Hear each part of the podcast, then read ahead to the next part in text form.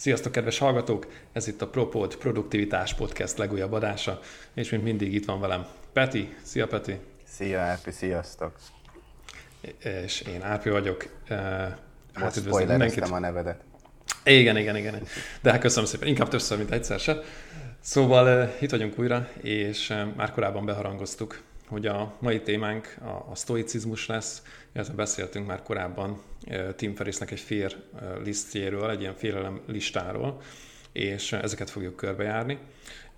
Én nagyon érdeklődöm már régóta a stoicizmus iránt, talán már többször elhangzott, hogy, hogy olvasok most is egy könyvet, így esténként szoktam egy-két oldalt elolvasni belőle, ez a sztoikus gondolatok a mindennapokra talán, ugye a déli sztoik angolul, magyarul nem tudom pontosan hogyan fordították, és hát ez nagyjából arról szól, hogy minden napra, tehát egy dátum napra van egy sztoikus gondolat, és azt kifejti Ryan Holiday. Ugye talán ő a legismertebb ilyen sztoikus könyvszerző. Igen, igen. És, és nekem nagyon tetszik a, a történelmi háttere is, az, hogy meghatározó politikusok ebben mennyire hittek, és azt gondolom, hogy nem hiába egyre népszerűbb. Ugye modern sztoicizmusnak hívják ezt a dolgot. De én abban ennyire nem vagyok tapasztalt, hogy Petinek szeretném átadni a, a szót. Én kíváncsi hogy nem tudom, te hogy találkoztál vele, meg hogy milyen gondolataid vannak ezzel kapcsolatban. Olyan nehéz belekezdeni egy témába úgy, hogy, hogy amúgy már szerintem elég sokat tudok róla, de mindig úgy érzem, hogy nem eleget, és, és hogy honnan fogja meg az ember. De nagyon jó volt a felvezetésed, és ahogy már többször beszéltünk arról, hogy amikor valamit el akar kezdeni az ember, vagy belemélyülni, akkor egy kis lépéssel tegye. Szerintem a legjobb első lépés az az, hogy hallgatjátok ezt a podcastet, és utána, amit meg említettél Ryan Holiday-nek tényleg ez a Daily Stoic, azt majd, hogyha van magyarul, akkor berakjuk show notes-ba, de alapangol tudással meg lehet nézni, és ez azért egy jó második lépés ezután a podcast után, mert ö, tényleg ilyen napi egy oldal, és ez egy kisebb formátumú könyv, tényleg egy évig lehet olvasni, és baromi jó gondolatok, sztorik, gyakorlati tanácsok vannak benne, és annélkül, hogy nagyon nagy energiát folyta, tenne bele valaki, el tud szépen lassan mélyülni ebbe a filozófiába. Igazából ez tényleg az ókorból megy, filozófusok, politikusok, ahogy mondtad, mondjuk, hogy kik a leghíresebbek, Marcus Aurelius, aki ugye egy római császár volt, Epictetus vagy Seneca, nekem Seneca a kedvencem, akiket így szoktak említeni, de a, kvázi a modernebb korban is, itt puskázok, tehát amerikai elnökök, George Washington, Thomas Jefferson, Roosevelt, Ralph Waldo Emerson is nagy hívői voltak, de például Newton is, de itt egy cikkben olvasom, hogy például LL Cool J is, meg persze nagyon sok mostani menedzser, Fortune 500-os cégeknek a CEO-i is, tehát vezérigazgatói, alapítói vagy színészek, mint például a Schwarzenegger is nagyon-nagyon hisz magában a, a sztoicizmusban. Na és akkor mi is a, a sztoicizmus? A sztoicizmus azt mondja, az az alap, alapja az egésznek, hogy az életben minden, ami történik velünk, ketté tudjuk osztani. Az egyik az az, hogy mik azok a dolgok, amikre nincs, mik azok a körülmények, amikre nincsen ráhatásunk. Tehát bármit tehetünk, nem fogunk tudni rajta változtatni ezeket el kell fogadni. Nem harc, nem, nincs értelme harcolnunk ellene, nincs értelme depresszióznunk rajta, mert egyszerűen ezek ott vannak, a mi kontrollunk, irányításunkon kívül esnek. És hát ebből következik ugye, hogy a másik része a dolgoknak, amik igenis a mi kontrollunkban vannak. És a jó dolog a, a sztoicizmusban, vagy ebben a filozófiában, hogy azokra a dolgokra, amik ugye nincsenek a kontrollunkba is, van egy része, egy nagyon-nagyon fontos, igazából a legfontosabb része, amit áthelyezhetünk abba, hogy mégis tudunk kontrollálni. Ez pedig a reakciónk. Tehát az, hogy van egy tényszerű dolog, valami, ami történik, az önmagában, ugye azt szokták mondani, hogy az se nem pozitív, se nem negatív. Attól válik valami valamilyenné, hogy mi hogy reagálunk rá. És nekünk azt kell tudnunk kontrollálni, hogy a reakcióinkat és az érzelmeinket ö, kordába tudjuk tartani, és mindenből valahogy pozitívan jöjjünk ki. Egyből én az egyik legdurvább félelmemet, és erre egy példát ö, fogok hozni, ez pedig a halál. Én nagyon-nagyon félek az elmúlástól és a haláltól, illetve a szeretteim elvesztésétől, tehát most is így, így beleremegek, meg, meg ö, borsozik a hátam, hogyha belegondolok, hogyha a szüleim nem lesznek velem, és nem is akarok igazából belegondolni. És az egyik legjobb barátom pár éve elvesztette az édesapját, aki neki a példaképe, nagyon jó kapcsolatuk volt, szereti mai napig, és, és mai napig van vele egy kapcsolata, és nyilván egy nagyon negatív történés ez, és a gyász folyamaton át kellett mennie, de csodálom azt, hogy ő mindemellett megnézte, hogy mi az, amit ő tud kontrollálni, mert az elmúlást ugye nem tudja, de azt, hogy ezzel mit kezd, azt igenis meg tudja csinálni, és olyanokat tett meg például, hogy csak magánszintjén ő mai napig gondolkozik azon, hogy, a, hogy, hogy mit várna el tőle az édesapja, vagy hogy hogy cselekedhetne, mitől lenne rá büszke, és ez rengeteg döntésében, cselekedetében motiválja. Másrésztről pedig állított egy emlékestet az édesapjának, és évente meg is rendezi, és összegyűlnek a, az édesapja barátaival, akár még az ő barátai is, akik ismerték az édesapját, és valamilyen hatással voltak rá, és beszélgetnek róla, a gondolatairól, a munkásságáról, a, magánélet, a magánéletben lévő tevékenységéről, és ez egyrésztről egy óriási közösség kovácsoló szereppel embereknek az inspirálására szolgál, és ettől ugyanúgy boldog tud lenni, és, és pozitívan tud hozzáállni. Pont ez a sztoicizmusnak a lényege, hogy minden helyzetben fogjuk meg azt, és nézzük meg azt, amit mi tudunk ö, ö, kontrollálni. Mert hogyha belegondolunk, akkor azzal, hogy megszületünk, hogy, hogy, hogy tapasztalataink lesznek, hogy iskolába járunk, hogy dolgozunk, hogy, hogy bármilyen hobbinak hódolunk, hogy emberek jönnek, mennek az életünkbe, de valójában annyira keveset tudunk az életről, magáról, az eszenciájáról, hogy mi miért történik, hogy az val- valóban milyen hatással lehet, ugye a Steve Jobsnak a híres Stanfordi beszéde, hogy a pontokat csak utólag tudjuk összekötni, és nagyon sokszor, amikor valami történik, és negatívnak éljük meg, nem is tudjuk elképzelni, hogy annak amúgy lehetnek pozitív hatásai, és milyen durván pozitív hatásai.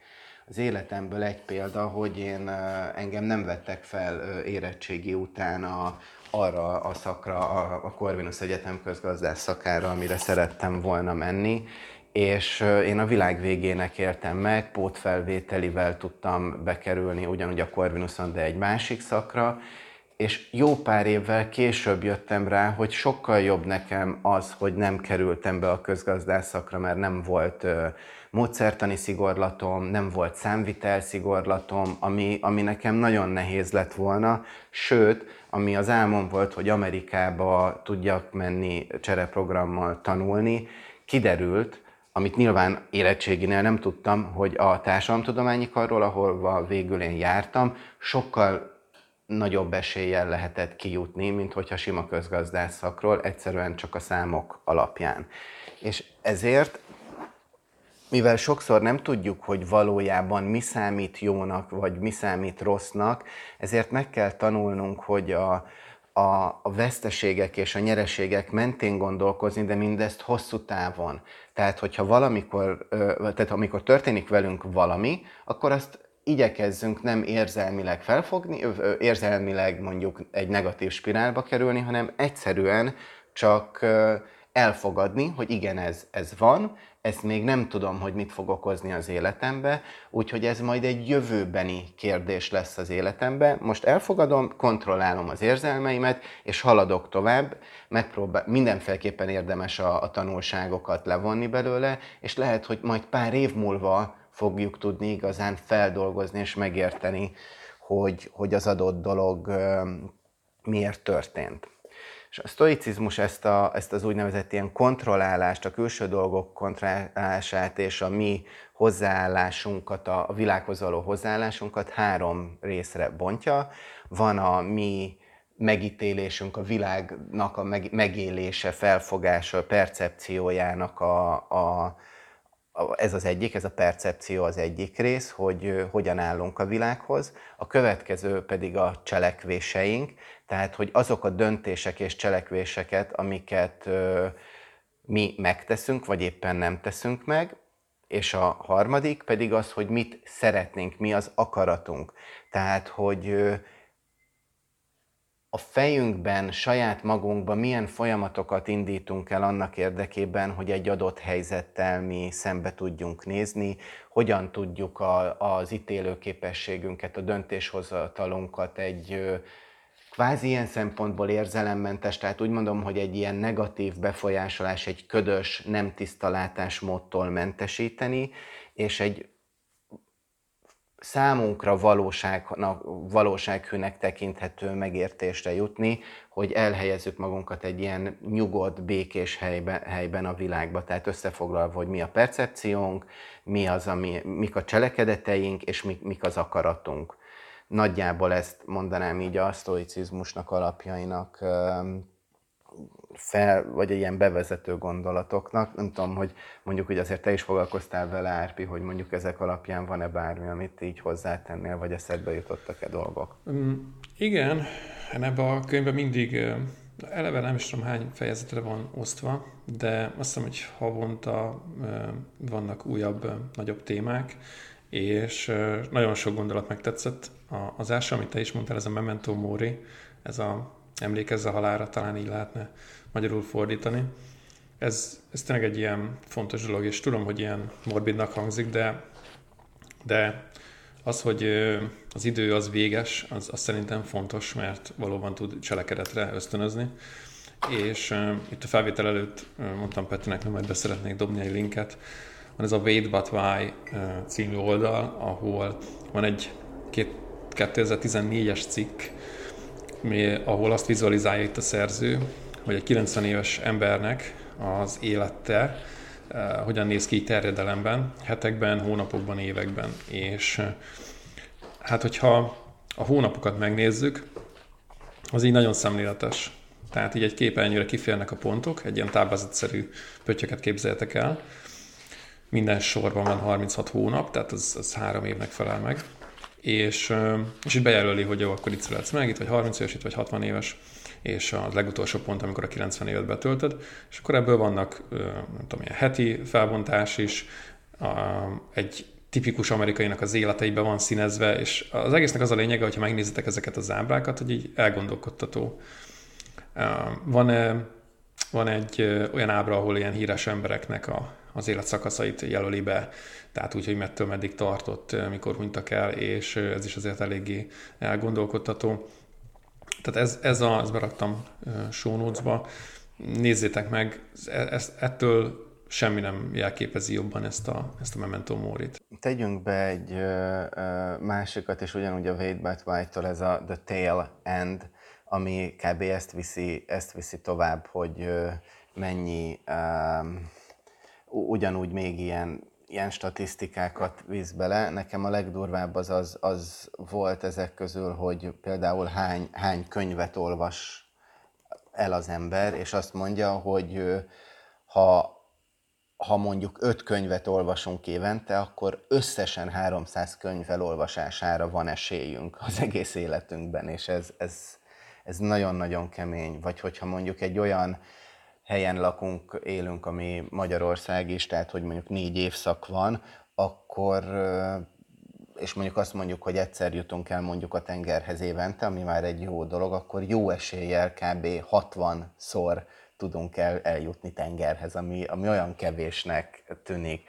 Akkor van ilyen statisztika, hogy ha, ha mondjuk 18 éves korunkig, mondjuk ha addig élünk a, a családunkkal, akkor valami 90, nem tudom hány százaléket, azt most így nem, lát, nem, nem találtam meg gyorsan, de hogy 90 százalék feletti idejét már eltöltöttük a szüleinkkel 18 éves korunkig. És igen, ezek, ezek, ezek elég jól tudják perspektívába rakni a, a dolgokat. Igen, igen, beraktam közben, nagyon, nagyon szemléletes, és ennek az egésznek az lenne a lényege, hogy cselekvésre ösztönözzön, illetve hogy az egyik ilyen erény, vagy nem is tudom, ilyen alapfogalom, ugye a bátorság, meg a, a, a moderált viselkedés, és talán ezt, ezt a bátorsággal tudnám összekötni, hogy, hogy igazándiból, mivel az idő véges, ezért ha szeretnél valamit, akkor, akkor tényleg így, így tenni kell érte.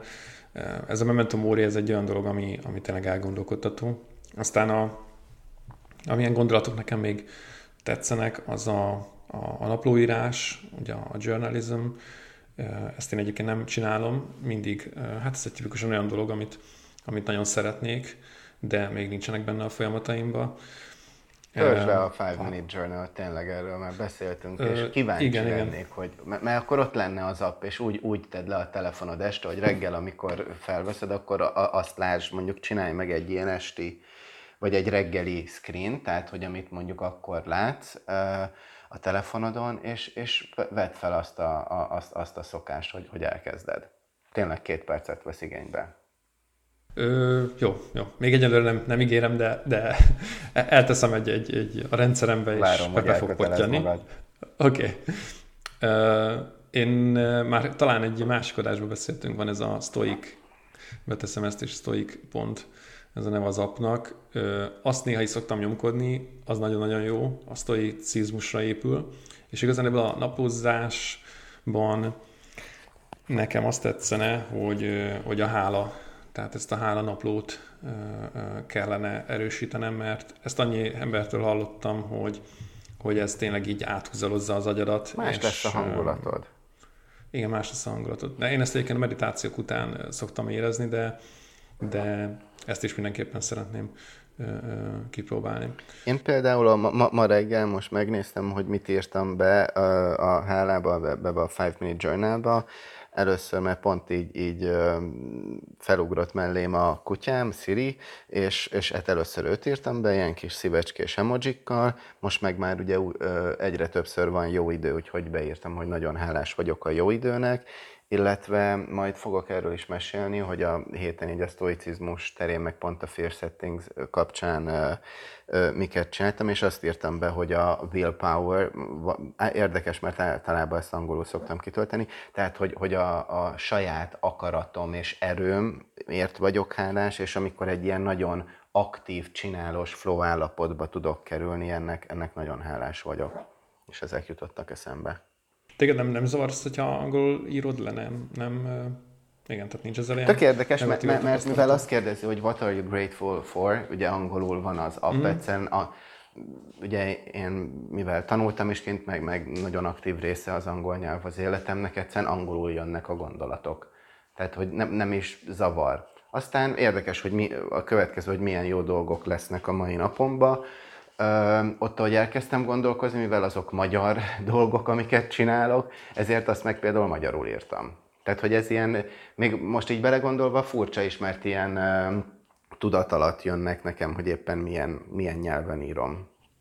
Hát igazából mindegy, mert magadnak írod, szóval nekem tényleg ez a sztoikkal is úgy, tehát zavar, mert úgy, úgy szívesebben, úgy őszintében meg tudnám magyarul fogalmazni. Egy lehetőség, Na, mindegy, hogy futok. kéne egy magyar sztoikus hát, fordítás. vagy ilyesmi. Uh-huh. Hát, hogy fordítás nekik. Csak mondjuk ezek a uh, ókori idézet, uh, tehát ezeket az idézeteket nem lennék a fordító helyébe, akinek Avval mondjuk csinálni, könnyű nyilván... dolgunk van, mert szerencsére ezek a könyvek elérhetőek magyarul, úgyhogy ha bárki, uh, ugye az angol sem az eredeti, mert ugye latinul írták, tehát az angol is egy fordítás, és, és magyar fordítás is van Aureliusnak is, a, ugye az emlékezések, angolul meditations, a, a Szenekának is megvannak a, a könyvei. Ryan Hallidaynek nem tudom, hogy... Vannak neki is, elég sok. A, szinte az összes. Talán a Stillness is the Key a legújabb, az talán még nincs, de a, mi az Igen. akadályozót talán, az Igen, is van az magyarul, tehát az összes többi az van. Uh-huh. Sőt, a, amiről Igen. beszéltünk, ez a Daily Stoic, most látom, az is van magyarul, stoikus hmm. nyugalmat a mindennapokra. Úgyhogy, ah, úgyhogy elérhetőek magyarul, és ott vannak a Uh-huh. Sztorikus Azt be is raktam. Úgyhogy, úgy, úgy, úgy, úgy, ez tök jó. Uh-huh. Ja, ja, úgyhogy úgyhogy ja, majd futok el egy-két kört. És akkor még egy gondolat van, ami nagyon tetszik a sztoicizmusban, ez a negatív vizualizáció. Sőt, ha jól tudom, ezt nem csak vizualizációként szokták kezelni. Tehát, hogy elképzeled egy mostani helyzetednél egy rosszabb állapotot. Akár mondjuk évekkel ezelőtt, amikor valamivel ö, rosszabb, rosszabb helyzetben voltál. És ez önmagában már egy pozitív érzéssel tölt el, hogy, hogy akkor tulajdonképpen annyira rossz dolgunk nincs is, és ez egy ilyen, egy ilyen pozitív megerősítés tulajdonképpen, ha, ha jól értem.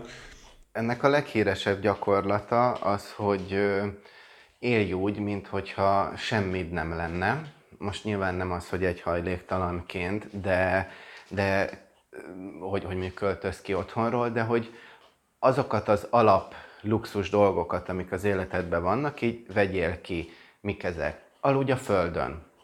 Tök egyszerű dolog. Nyilván egy pokróc, egy párna az lehet, akkor ne fancy kajákat egyél, hanem mondjuk rizs, egyszerűen egy csirke, vagy csak zöldségek, gyümölcsök, ne, ne használd mondjuk a mobilodat, és mondjuk ezt megcsinálod egy napig, vagy egy hétig például, hogyha ha akár az, hogy tömegközlekedéssel jársz, vagy hogyha autóval, hogy, hogy, hogy ne használd. Ne használd egy ideig, és mi történik, hogyha csak sétálsz mindenhova, ugye ez jó időbe könnyű is megtenni, hogy ne ülj be helyekre, hanem csak mondjuk kiülsz egy parkba, és én ezt eddig kétszer csináltam meg, gondoltam, hogy megcsinálom most a, a podcast előtt, nem vettem rá magam, de mind a kétszer az volt a, a, a, arra döbbentem rá, hogy nem hiányoznak ezek a dolgok.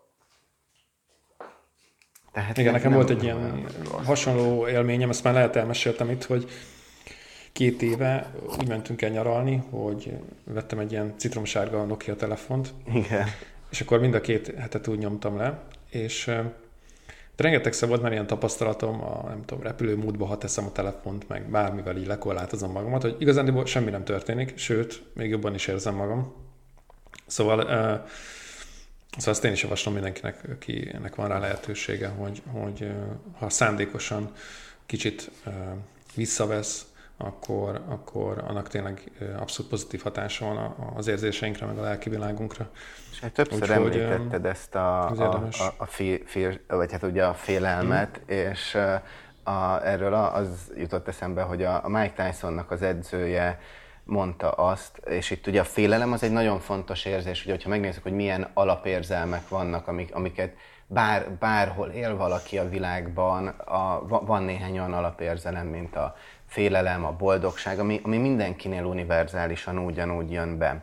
És a Mike Tyson edzője azt mondta, hogy a, a hős és a, a loser ugyanazt a dolgot érzi, ez pedig a félelem. Mindenkiben benne van a félelem az adott helyzetben. A, az egyedüli kérdés az az, hogy mit, mit tesz vele hogy tehát a félelem az megint egy tény, az egy olyan dolog, ami a kontrollunk kívül van. De vannak olyanok, akik a, akik a félelemtől tényleg így, így magzatpozva kerülnek, megijednek és cselekvőképtelenek lesznek, és vannak azok, ugye őket nevezi a Mike Tyson edzője a hősöknek, akik ezt a félelmet egyféle motivációként használják fel, és mm. erőre kapnak magukban. És hogy, igen, hogy, igen. Hogy, hogy mondjad, igen? A, igen, azt szeretném mondani ezzel kapcsolatban, hogy nekem egyszer sportpszichológus mondta ezt, amikor beszélgettünk e, e, erről, hogy, hogy e, a verseny előtti izgulás, a felkészülés alatti idegességet hogyan lehetne mérsékelni, hogy ez is ilyen vizualizációs technika, hogy képzeljem el, hogy a félelem az, az egy ember, aki, aki eljön, bárhogyan elképzeltem, és akkor leül, és elbeszélgetünk, hogy, hogy tudom, hogy azért van ott, hogy engem segítsen. És meg voltak különböző gyakorlatok ezzel, és ez is egy olyan dolog, ami működik, és hát sportolóknak tudom ajánlani, van egy ilyen könyv, a Jerry Lynchnek, ez a Thinking Body, Dancing Mind, ez ilyen taoista gondolatok vannak benne sportolóknak, de de általánosságban is lehet használni. Tehát a címben is benne van, hogy, hogy for, hogy in athletics, business and life, és ott is van egy ilyen gyakorlat. Szóval ez, ez egy olyan dolog, ami megint csak magamtól nem jutott volna eszembe, hogy, hogy ezt a félelmet, ezt fel lehet a saját előnyedre is használni. Bizony. Úgyhogy Mark, Mark Twainnek az az idézete, híres mondása, hogy azt mondta, hogy sok mindenen aggódtam az életemben, a nagy részük meg sem történt. Mm, igen. És ez nagyon Azt nagy... van is ilyen statisztika, hogy ilyen 70-80 százaléka az, az általában nem következik be. A, a legtöbb dolog nem, és, és tényleg sokkal több dolog van, ami, ami félelmet kelt bennünk, mint ami a valóságban padlóra tud küldeni. Tehát, hogyha megnézzük azokat a dolgokat, amiktől félünk, és megnézzük azt, ami valós veszéllyel van, és tényleg ki tud minket ütni, hát köszönő viszonyban sincs a kettő egymással. Tehát a képzeletünkben brutálisan tudunk szenvedni, pedig a valóságban szinte semennyire sincsen, és ugye erre szokták így kétköznapilag mondani olyanok is, ugye, akik, ha nem is ismerjük, vagy nem is a stoicizmusról beszélünk, ugye, hogy, hogy ami éppen, amin valami, valaki parázik, vagy rossz kedve van, hogy legvalószínűbben egy év múlva már emlékezni se fog arra, hogy hú, ez a, egy évvel ezelőtt egy probléma volt, vagy milyen rosszul éreztem magam hmm. tőle. És hát amúgy igen, pont, igen. pont erre jön be ugye a, a fear setting, tehát hogyha gondolod, át is térhetünk rá, hogy az pontosan... Shifteljünk szerintem. Aha. Igen, micsoda, igen, igen, hogy igen, van. Igen. Ugye ezt egy előző adásban már bespoilereztünk, és be is linkelem ide Tim Ferrisnek ezt a TED előadását, ami megint csak szerintem egy nagyon érdekes gondolat. Ő azt mondja, hogy mi lenne, ha nem bakancslistát írnánk, hanem leírnánk a félelmeinket, és mi ennek az értelme? Hát azért, mert egyrészt tudunk a bekövetkezés ellen védekezni, felkészülni, másrészt még át tudunk gondolni több dolgot ezzel kapcsolatban. Ő azt mondja, hogy, hogy csináljunk hát öt oszlopot mondjuk, és felírod az első helyre azt, hogy, hogy mitől félsz. Tehát mi az, amitől tartasz mondjuk most, mi áll a fejedben, mi az, ami, ami egy ilyen negatív félelem.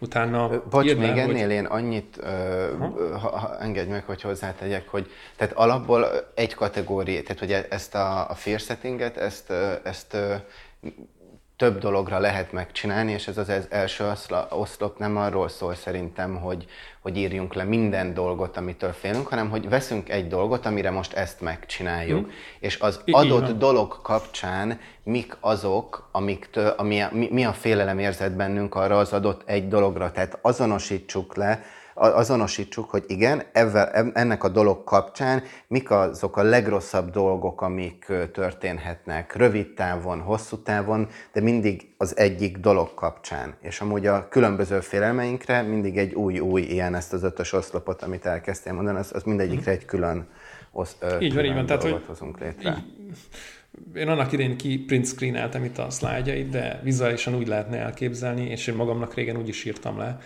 meg most is, hogy, hogy egy felírsz egy, egy ilyen félelmet, és akkor van még ott, nem tudom, négy ö, oszlop mellette, és akkor szépen ezeket a plusz ö, tulajdonságait beírod. De most formailag tulajdonképpen mindegy, hogyan írjuk le. Tehát a lényeg az, hogy, hogy írd le, hogy mitől félsz, mitől tartasz. Utána mellé írd le azt, hogy ö, hogyan tudod megelőzni a bajt. Tehát, hogyha tényleg bekövetkezne, akkor ezt meg tudod előzni. Vannak olyan lépések, amivel csökkenteni tudod a valószínűséget, hogy bekövetkezzen ez a dolog. Igen. Aztán mellé írd le, hogy ha bekövetkezik ez a negatív történet, akkor hogyan tudnád helyrehozni. Utána pedig rányargalunk, a, a, vagy rátérünk a pozitív részre, hogy milyen haszna lenne, hogyha sikerülne, akár részben ez a dolog. És, és az utolsó, a legérdekesebb, ezt már a múltkori adásban is mondtam, hogy uh, általában amitől tart az ember, azt ugye halogatja, nem akar rá gondolni, tologatja ezt a dolgot, és hogyha nem teszed meg, akkor ennek milyen költsége van? hat hónapos, egy éves, három éves időtávon ő ezeket a példákat hozta ide, és ideírta, hogy, hogy érzelmi, fizikai, illetve pénzügyi területen milyen költségei lehetnek ennek a dolognak. Nekem ezt tetszik a legjobban, mert ebbe nem gondol bele az ember, sejti, hogy hát jó lenne már mondjuk elkezdeni valamit, de félek ettől attól, és addig, amíg nem kezdesz el, el ezt a dolgot, addig, addig is ennek van, van hátránya, van költsége nem csak pénzügyi, hanem, hanem tényleg ilyen érzelmi részen is, és nekem ez, ez a, a rész tetszik a, a legjobban. Úgyhogy így tudnám összefoglalni így a, a, ezt a félistát. Na és mire csináltad most meg? Uh-huh. Most arra csináltam meg, hogy ugye indítok most egy új bizniszt, egy új, új vállalkozást, és folyamatosan van egy ilyen félelmem, hogy eleve ugye már az indítást is halogattam legalább egy olyan éve, és az a legnagyobb félelmem, hogy mi van akkor, ha nem működik, mi van akkor, ha nem számít egy sikeres vállalkozásnak, hogyha nem termel annyi pénzt, mint amennyit én szeretnék. Ó, ez kemény. Hát ez egy ilyen, igen, ez ilyen tipikus vállalkozói kérdések, hogyha az ember így egy újabbba csap bele. És hát végigmehetünk ezen is, és van még ezzel kapcsolatban elég szorosan összefügg az, hogy kételkedek magamba, hogy megvan-e a, a szakmai tudásom hozzá. Ez a két mostani félelem, ami, amit, ami így bennem látszódik, és ezen azért így elég jól végig tudtam menni. Na, én egyet csináltam meg, viszont uh-huh. nálad mind a kettő érdekelne, úgyhogy akkor csináljunk ebből uh-huh. egy szendvicset, hogy kezd az egyikkel, aztán én elmondom, és Jó. akkor te a másikkal. Okés, okés. Tehát, tehát ez a félelem, hogy van akkor, ha, ha nem működik a, a biznisz. És ezt hogyan tudom megelőzni? Hát um, azt választottam, hogy um, kérek segítséget, van egy külföldi ismerősöm, aki ezért, tehát a, a, a márkaépítés, a sales, sales is inkább a, a, az ilyen outbound, inbound marketingben van otthon, és megteszek mindent azért, hogy, hogy bevonzam az első vevőmet, és, és elinduljon egy úton maga ez a, ez a cég. Tehát, hogy amilyen előkészületet meg lehet tenni ezzel kapcsolatban, azt, megpróbálom minél profibban. Hiszen ezek elengedhetetlenek, nem tudom, piackutatást csinálni, stb. Ez a, ez a prevent rész végül is. Aztán mi van akkor, hogyha, hogyha nem sikerül? Mondjuk megteszek mindent, nem tudom, így két hónapos időtávon belül szeretnék már vevőt szerezni. Mi van akkor, ha nem jön? Akkor mondjuk bekövetkezik idézőjelbe a baj, tehát hogy, hogy valid akkor a, a félelem, és akkor hogyan lehet helyrehozni? Hát úgy lehet helyrehozni, hogy igazándiból ezen a cégen belül több tevékenységgel is foglalkozhatok. Nem csak a fő tevékenység, ez a, ez a, a, a data analytics lehetséges, hanem, hanem például még a múltamból még a teljesítménytesztelés az egy olyan dolog, amivel szívesen e, foglalkoznék, és az lehetne egy ilyen repair e, rész, hogy e, tesztelek több e, szolgáltatást, hogy mi az, ami működik, és lehet, hogy egy teljesen másik szolgáltatásra viszont találok vevőt, és akkor ez így tulajdonképpen helyre lesz szállítva, és még mindig belefér azokban a, azokban a tevékenységekben, ami, ami számomra, tehát hozzám közel áll. Tehát megpróbálom így, így helyrehozni, és, és hát próbálgatni azt, hogy mi az, ami, mi az, ami működik. Aztán itt jön a jó rész, hogy mi a haszna annak, hogy, hogyha sikerül ez a dolog. És hát ide minden jót fel tudnék írni.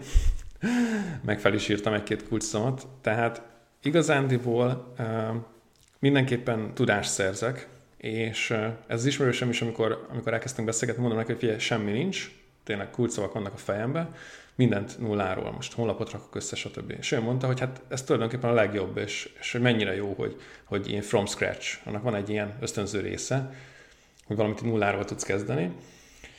Már azért nem elsőre csinálok ilyet, mondjuk ez egy, hál' Istennek ez egy, ez egy előny. És a legnagyobb benefit az, hogy, hogy tanulni mindenképpen fogok belőle, ha pedig sikerül um, felfutatni ezt a bizniszt, akkor, akkor nyilván financiálisan az egy pluszbevételt jelent, tudok egy új ilyen szakmai identitást szerezni magamnak, tulajdonképpen az, amire már régóta vágyom, hogy, hogy a, a, az előző szakmai profilomból, ebből az automatizált tesztelésesből kitörjek, ez, ez mindenképpen előremutató. Ráadásul ez a mesterséges intelligencia, AI rész, ez nagyon-nagyon trendi, tehát hosszú távon mindenképpen jól járok ezzel, hogyha ebbe fektetem az energiáimat. És az utolsó rész a Cost of Inaction, ugye mondtam, hogy legalább egy éve halogatom ezt a dolgot. Hát financiálisan nem is akarom kiszámolni, hogy ez mekkora negatívum, hogy még nem egy éve kezdtem el fizikai és érzelmi részen nekem az a bajom minden ilyen vágyjal, hogy ha nem teszek érte, akkor egy idő után leesik az önbecsülésem. Tehát azt érzem, hogy ö, meg tudnám csinálni, de csak nem tudom, nem jó szó a lustaság, inkább tényleg a elhalogatás a félelem miatt, az, az azt teszi, hogy kételkedek saját magamba. És ez a rossz, hogy eltelik az idő, és azon kapod magad, hogy hát akkor végül is még mindig nem csináltál semmit, és akkor elkezded azt gondolni, hogy talán nem is vagy rá képes. És ez a legnagyobb, legnagyobb költség szerintem. Úgyhogy ez a, ez a én mostani féllisztem, és ezt tudom mindenkinek mondani, hogy ha ezt végig gondolod, illetve én, most így elmondtam, már ettől sokkal jobban érzem magam, és úgy gondolom, hogy tulajdonképpen ez már nem is nagyon félelem.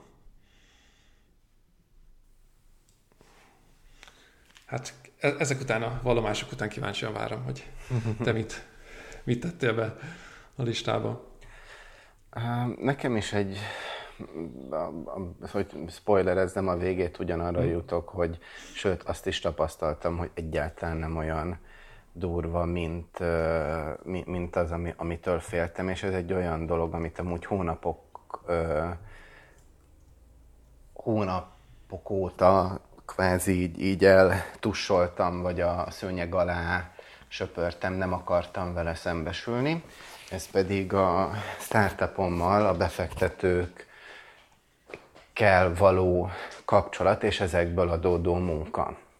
Ami, amit én kettő részre tettem, tehát van egy ilyen must have, vagy, vagy must do dolog, amit egyszerűen el kell végezni. Nyilván a, a vállalkozásnak mennie kell, riportokat készíteni kell, vannak kérdések, amiket meg kell csinálni, amik a, a kötelező dolgok.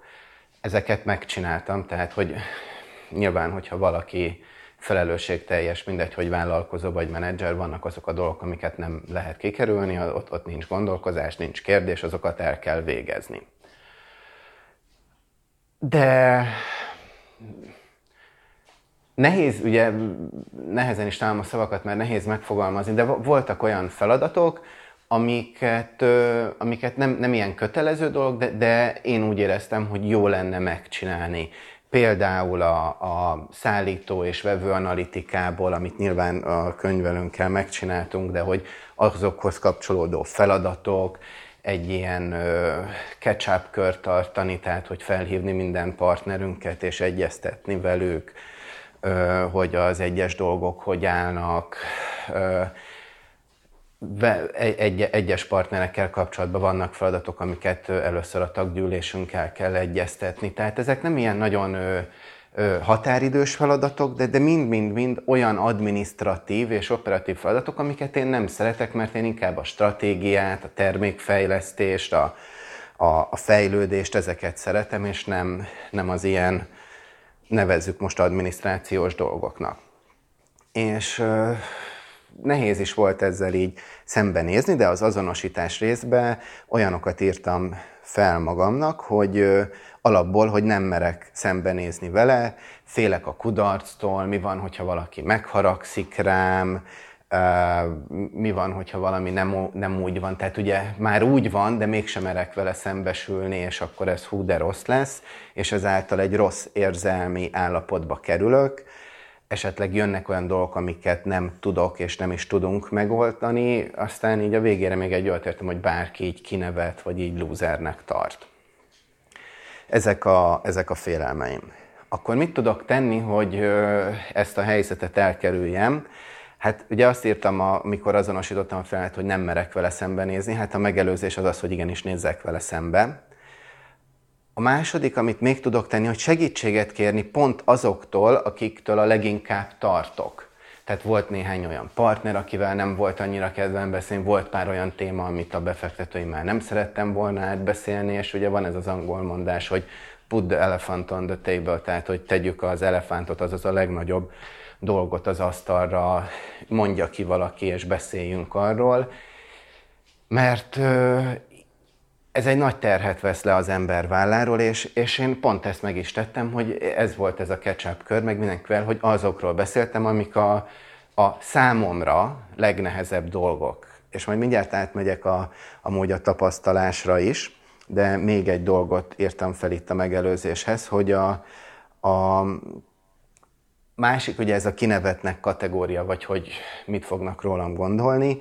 itt a szociális életembe, tehát mind a, a szakmai körbe, mind a baráti körbe egyszerűen mesélni arról, hogy mi a helyzet, és hogy milyen következő lépéseket érdemes megtenni, és levonni azt a következtetést, hogy ki az, aki, aki mondjuk ehhez negatívan áll, vagy, vagy akár kinevetne, legalább akkor tudom, és bíztam abban, hogy azért sokan um, inkább egy ilyen bíztatást adnak, ami érzelmileg jól fog jönni, illetve már hogyha csak normálisan reagálják le, vagy neutrálisan, semlegesen, nekem az is egy, egy érzelmi biztosításnak jön ki.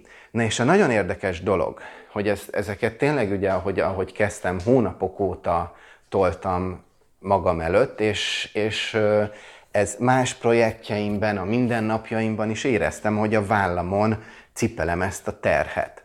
És úgy éreztem ezt az egész dolgot, amivel ugye nem mertem szembenézni, hogy ez egy óriási nagy valami. És vettem egy nagy levegőt a héten, nagyon motivált ugye a podcastünknek a kis challenge is, és szembenéztem vele, és azt kapaszkodj, vagy kapaszkodjatok meg, az összes dolgot három óra alatt megcsináltam. Minden, ami zavart, minden, amit kellett, három óra alatt meg tudtam csinálni. Tehát az, amit hónapok óta cipeltem, és a mindennapjaimra rányomta a, a, egy ilyen negatív bélyeget, azt egy három óra munkával meg tudtam oldani. És nem elég, hogy csak egy ilyen rövid időről van szó, de, de nem volt para, nem volt rossz, egy közel sem ért olyan negatívum, sőt nem is nagyon ért negatívum, mint amitől tartottam. Senkitől, semmilyen helyzetben, és semmelyik feladat sem volt megoldhatatlan, semmelyik sem jött ki úgy, mint egy kudarc, hanem, hanem mindent nagyon szépen a helyére lehetett tenni, és amúgy, mivel ez a feladat egyik nagy része, hogy olyan elmentett, vagy még olvasatlanul hagyott e-maileket feldolgozni, és a feladatokat hozzátenni volt, volt egy olyan pozitív mellékhatása, hogy volt egy ilyen száz valahány olyan e-mailem, ami nem ez, hogy bejött és olvasatlan, hanem ami valahogy ugye mondtam, az elmúlt hónapokban nem foglalkoztam. És szerintem amúgy, mert én régen inboxéros voltam, ez most egy zárójel, tehát mindig feldolgoztam az e-mailemet, nem volt benne, de most már egy, szerintem olyan másfél-két éve nem csinálom ezt, van, amit úgy hagyok, amit meg kell, megválaszolok, és majd egyszer, tehát ez a GTDL van a someday-be hagytam. És annyira felelkesültem azáltal, hogy szembe mertem nézni, és belekerültem ebbe a flow állapotba, hogy eljutottam egy inbox zéróhoz. És azáltal, hogy eljutottam Inbox Zero-hoz, plusz ez a teher lekerült a vállamról, ami nem azt jelenti, hogy mindent megoldottam, természetesen ez nagyon fontos, hanem minden a helyére került. Azáltal, hogy szembenéztem, most mindenről tudom, hogy milyen lépések vannak, miket kell csinálni, mi milyen irányba megy, tehát érzek egy kontrollt, még a felett is, amit amúgy nem én kontrollálok, mert tudom, hogy az nem az én feladatom, tudom, hogy kitől várok valamit, és ezáltal ez a liberating, tehát ez az ilyen felszabadító érzés jött el, és akkor ugye ebbenek az egyik manifestum az Inbox Zero, és itt nem álltam meg, egyszerűen bepörögtem, és elkezdtem, ugye GTDL-ben működök, viszont most elég nagyra nőtt a, a kettő dolog. Az egyik a, a csillagozott e-maileim, illetve a Wunderlistben a, az inboxba lévő tudók, tudók, és elkezdtem azokat is feldolgozni, és most az a következő challenge hogy jövő péntekig az összes tudómat áthelyezem, ahova kell, vagy ugye kitörlöm, ahogy a GTD is szokta mondani, és a mondjuk nagyjából olyan 2017-ig visszamenőleg voltak ilyen csillagozott e-maileim, most már 2018 novemberénél tartok, É, volt azt hiszem, nem tudom, egy ilyen 300, és ezzel is el fogok jutni nullára, és most ez a szembenézéssel és minden a helyre rakással elindult az életemben egy olyan, amit talán kimondatlanul is akartam, hogy, hogy egy ilyen clean slate, tehát hogy mindent helyre rakok, tiszta lap, és ennek lesz egy olyan manifestuma, amiről Árpival már beszélgettünk is, hogy szeretnék egy produktivitásos és egy personal brandinges online kurzust megcsinálni, és már rengeteg dolog van az életemben, ami ehhez kapcsolódik. Most ezt rakom egy irányba, és szépen létre fog jönni, ugyanúgy szerintem jövő péntekig eljutok addig, hogy már meg lesz az alapja a, az online képzésnek prezentációkkal, e-bookokkal, mindennel, mert egyszerűen bekerült ez, és az egészet arra tudom lefordítani, vagy, vagy visszavinni, hogy az a fő dominó, ez a szembenézés volt. Úgyhogy ennyit a megelőzésről, és ugye a, a, a másik kettő, a fear settingsre, hogy visszatérjek rá, annyira nem is releváns, mert nem történt meg, mint ahogy az esetek többségében ugye nem történt meg az, hogy, hogy ez a rémálom bekövetkezzen, de amúgy azt írtam a megoldásra, ha bekövetkezik, hogy tanulok belőle, másokkal megosztjam a tapa, megosztam a tapasztalatomat, a megmaradt lehetőségekkel élni, és hálát érezni ezért a tapasztalatért, tehát pont amit te mondtál a, a Morning Journal-re, ez a gratitude, tehát hogy igenis hálás legyek az elmúlt évekért, az adott helyzetekért, amiket át tudtam élni. És ha be is következne, akkor a haszon, ami amúgy ez meg is történt úgy is, hogy be sem következett, de az, egy, az leginkább az, hogy egy nagy kő esik le a szívemről, erősebbnek érzem magam, jobb kedvel állok minden máshoz is, és ugyanúgy a tapasztalat az mindenféleképpen itt van. Na, tök jó, tök jó. Egyébként elképesztő, amit mondtál, és rengetegszer éltem meg én is, hogy akár évekig tartunk valamitől, ez tipikusan ilyen konfliktus felvállalás, telefon, ilyesmi, és, és akkor nem tudom, 5 perc valójában a telefon, vagy amit te is most mondtál, hogy három óra alatt le tudtad darálni a legnagyobb uh, akadályokat. Tehát nekem van egy elméletem, hogy szerintem a, ameddig eltologatod ezt a dolgot, tehát a halogatásnak az időtartama, meg a megcsinálás között valami, nem tudom, százszoros szorzó is lehet, vagy én nem tudom mennyire, rengeteg, rengeteg. Tehát, hogy egyszerűen nem lehet nagyságrendileg összehasonlítani. Tehát jobban jársz, hogyha neki mész, aztán bármi történhet, de biztosan jobban fogod magad érezni. Úgyhogy hát időben elég nagy különbség van. De akkor nagyon örülök neki, hogy, hogy a podcast is akkor egy motiváció volt, és tulajdonképpen akkor ez is, ö, tudtad, hogy erről most beszélünk, és, és ö, nem tudom, meg fogod osztani a tapasztalatokat, akkor már ez, ez is önmagában elő, előre vitt, úgyhogy, úgyhogy tök jó, tök jó. Oké, és hát akkor elmondom én is a, a másikat. Ugye szintén az első témámhoz kapcsolódik, hogy tartok attól, hogy mi van, hogyha nincsen ö, elég tudásom hozzá, tehát szakmailag hiába, nem tudom, évek óta rengeteg online képzést csinálok, ez az, de, de mivel ez egy új dolog, ezért, ezért nincsen benne annyi tapasztalatom, mint, mint, mint a, a, az előző a szoftverteszteléses irányban. De egyébként azt is el kellett valamikor kezdeni, szóval nem, ott is voltam ilyen helyzetben, de valamikor, nem tudom, azon nem gondolkoztam akkor. És hát itt Ugye hogyan lehet megelőzni? Nyilván azt, hogy folyamatosan képezem magam tovább. Tehát ha tudom, hogy valakinek kell majd egy problémára megoldást nyújtanom, akkor előtte, utána nézek, megteszek mindent, hogy információhoz jussak, ez a, ez a prevent rész.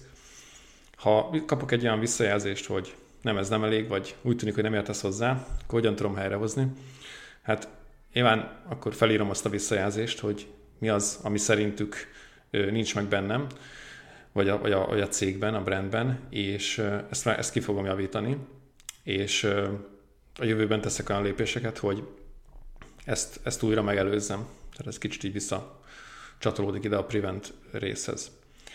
Na most mi a haszna?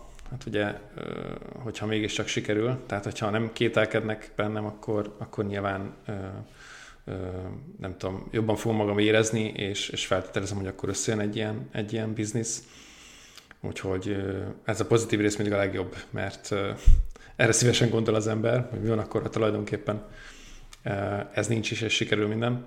És hát a cost of inaction, az pedig, nem is tudom, hogyan lehetne ezt értelmezni. Hát, hogyha emiatt, hát végülis ez teljesen ugyanaz, mint az elsőnél, tehát hogyha emiatt nem kezdem el akkor a közönbecsülésem, ez, ez teljesen ugyanaz. Úgyhogy uh, itt, itt talán nem más volt ez a prevent rész, de igazándiból úgy tudnám ezt a félelmet itt kinyírni, hogy, hogy nem történik semmi, hogyha egy ilyen negatív visszajelzést kapok, mert, mert uh, tudok rajta javítani, és a, a következő meg majd, majd kapok egy pozitívot, és kész. Tehát nagyjából így lehet ezt uh, megkerülni, és uh, tulajdonképpen a negatív visszajelzés is kell, mert máshogy meg nem is tudsz magadon javítani. Úgyhogy, úgyhogy ezt, e, e, ezzel kapcsolatban ezt tudom mondani.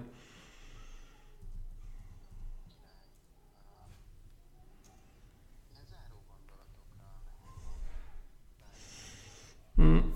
Még, még egy dolog eszembe jutott, még így a kicsit, hogy így keretbe zárjuk a sztoicizmust, hogyha mm, valakit érdekel, hogy hogy miért érdekel minket, vagy hogy miért tartjuk egy jó ilyen alap mindsetnek ezt a dolgot, akkor van egy videó, ez a Natalian Yu, ezt hiszem így hívják, nem tudom, hogy őt szoktad követni. Natalian talán.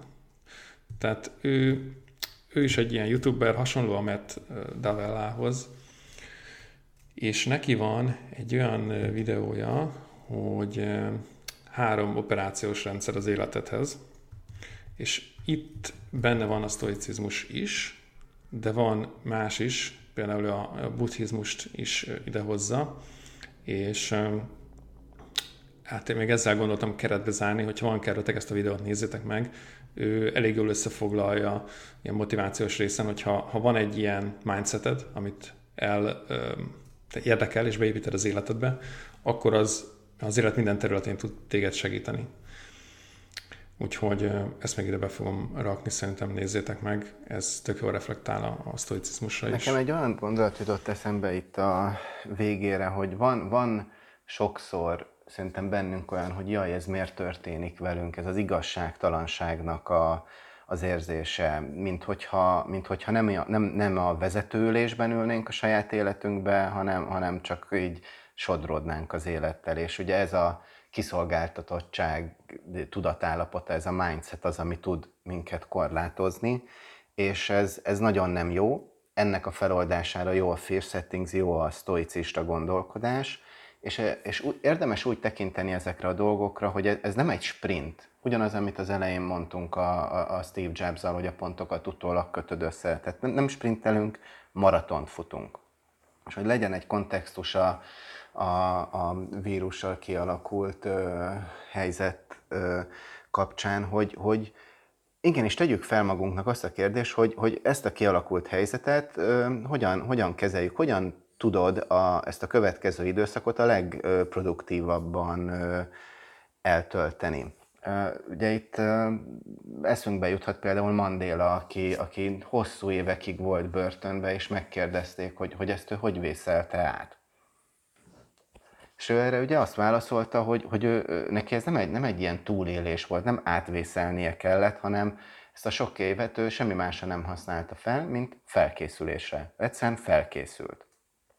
És amikor van egy ilyen krízis helyzet, Szenekának, ugye az egyik legismertebb sztoicista filozófus, ő azt mondja, hogy addig, addig ne parázzál, addig ne, ne legyenek negatív érzéseid, ne legyél boldogtalan, amíg el nem jön az az adott helyzet. És ahogy ugye a Mark Twain idézet, vagy amit az ellen is mondtuk, hogy sokszor el sem jön, amitől félünk, vagy nem lesz olyan rossz. És még akkor is, hogyha most otthon kell maradnunk, hogyha nincsen bevételünk, hogyha elvesztettük a munkánkat, hogyha megcsináljuk erre a fear settinget, rá fogunk jönni, hogy ez, ha maratonba gondolkozunk, ez nem is olyan rossz.